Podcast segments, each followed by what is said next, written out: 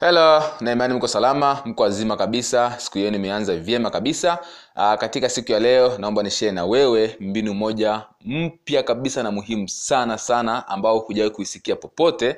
Mbinu hii unaweza ukatumia kufunga mauzo ya bidhaa ama huduma yako, na vile vile unaweza ukatumia kukikabili kipingamizi cha wateja ambao wanajua kabisa bidhaa ni sahihi kwao kwa sababu inakidhi mahitaji yao yote na bei ni sahihi kwao lakini bado wanasita kununua bidhaa ama huduma yako. Hasa mbinu hiyo unaweza ukaitumia vile vile kuweza kufanya wateja hao wakwambie ni kitu gani ambacho bado kinawapinga au kinawaletea ugumu kufanya maamuzi ya kununua bidhaa ama huduma. Kwa, lugha nyingine ni kwamba mbinu hii itakusaidia wewe kujua kipingamizi halisi cha mteja ni kitu gani kwa sababu kuna wateja wengine hawaongei nini kipingamizi chao. Unakuta tu amenyamaza chochote kile. Kwa hiyo mbinu hii itakusaidia wewe kuweza kujua the real objection kipingamizi halisi ni kipi. Na vile vile mbinu hii itakusaidia kupush mteja ambaye hawezi kufanya maamuzi then akafanya maamuzi hapo awe kununua bidhaa ama huduma. Ama akakwambia hawezi kufanya maamuzi muda huo kwa sababu gani? Kwa hiyo utajua kipingamizi chake halisi ni kipi. Mbinu hii inaitwa uh, the apology clause. The apology clause. Yani ni mbinu ya kuomba msamaha kufunga mauzo kwa kuomba msamaha. Kwa hiyo mbinu hii jinsi nafanya kazi ni kwamba iko hivi.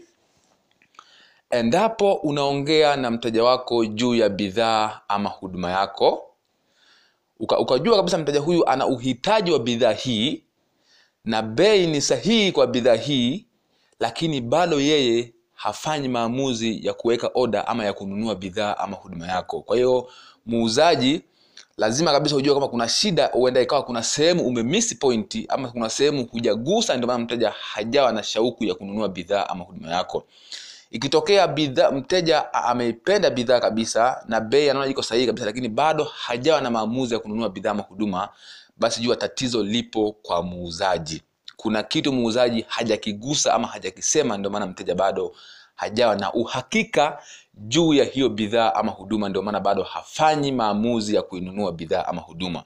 Kwa hiyo jinsi sasa ya kutumia mbinu hii inayoitwa apology clause au the apology clause yani unafunga mauzo kwa kuomba mteja msamaha juu ya kutomwambia kitu muhimu ambacho kingemfanya afanye mauzo ama anunue bidhaa ama huduma. Iko hivi.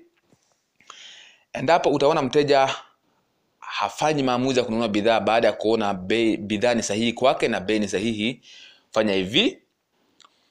Mwambie uh, naomba unisamee yawezekana katika maongezi yangu mimi na wewe kuna kitu sijakigusa ama kuna kitu sijakisema ambacho ulikuwa unakiulizia ama unakitaka katika bidhaa hii ama huduma hii.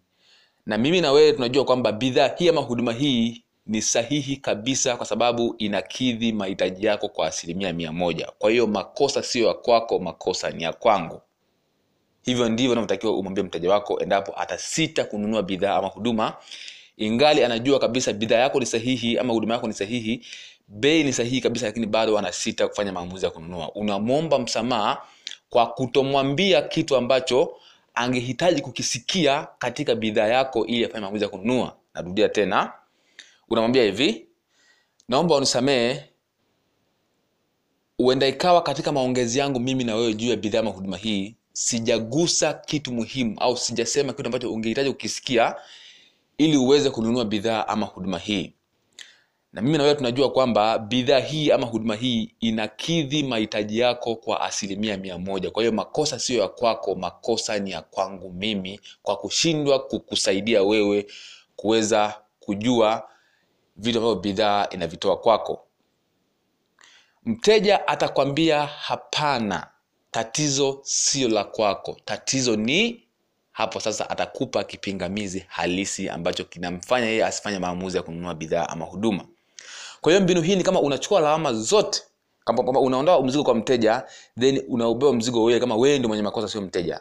Mteja atahitaji kuhakikisha kwamba makosa sio ya kwako ile makosa yako sehemu fulani. Tatizo sio la kwako tatizo liko hapa. Sasa hapo alivyokwambia sasa ndio kipingamizi halisi cha mteja ambacho kilikuwa kinamfanya asifanye maamuzi ya kununua bidhaa ama huduma. Kwa hiyo kipingamizi hicho sasa utajua ni kipingamizi gani. Aidha ni bei ama kuna sehemu hujaelewa ama labda ngoja mpaka aongee labda na, na, na, na bosi wake. Kwa hiyo utajua kipingamizi halisi ni kitu gani. Sasa hapo ndipo utajua jinsi ya kukikabili kwa, kwa kuwa vipingamizi vingi tumeshavisoma jinsi ya kuvikabili.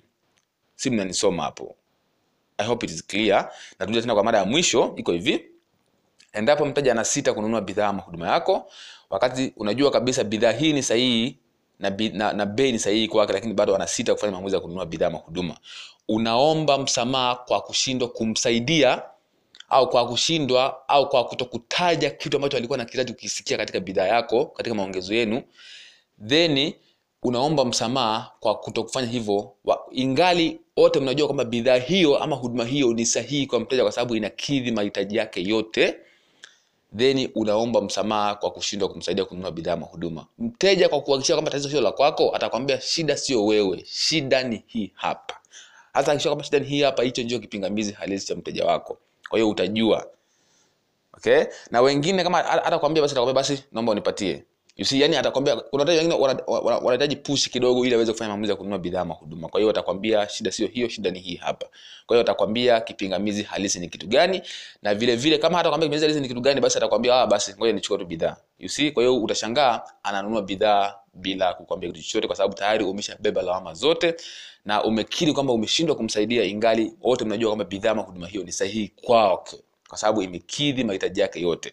Kwa hiyo mteja ataona kwamba mtu huyu amefanya kadri anavyoweza kunisaidia mimi lakini bahati mbaya labda hajagusa kitu ambacho mimi na nakihitaji kwa hiyo kama alikuwa uh, kama ata- anataka kukwambia kitu hicho atakwambia au kama hataki kukwambia basi atakwambia basi naomba bidhaa hii ama huduma hii unipatie. Kwa hiyo hivyo ndivyo mbinu hii inayoitwa apology the apology clause inavyofanya kazi. Kwa hiyo tumia hii mbinu itakusaidia sana na nimeithibitisha sio mimi nimeitumia ila kuna baadhi wa private clients kuna wanafunzi wangu ama ma- ma- mentees wangu wa, wa magrupu mengine wameitumia baada ya kuishare. Uh, kwa hiyo tumia mbinu hii itakusaidia sana wewe kuweza kufanya mauzo ya bidhaa ama huduma yako. Ukiona mteja anasita kufanya bidhaa ama huduma mpe msamaha kwa kushindwa kumsaidia then mwambie tunajua kwamba bidhaa hii ni sahihi kwao kwa sababu inakidhi mahitaji yako kwa asilimia mia moja. Kwa hiyo makosa sio ya kwako makosa ni ya kwangu.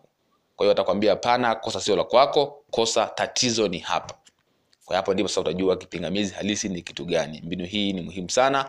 I hope it is clear. Kama kuna swali basi mtauliza. Asanteni sana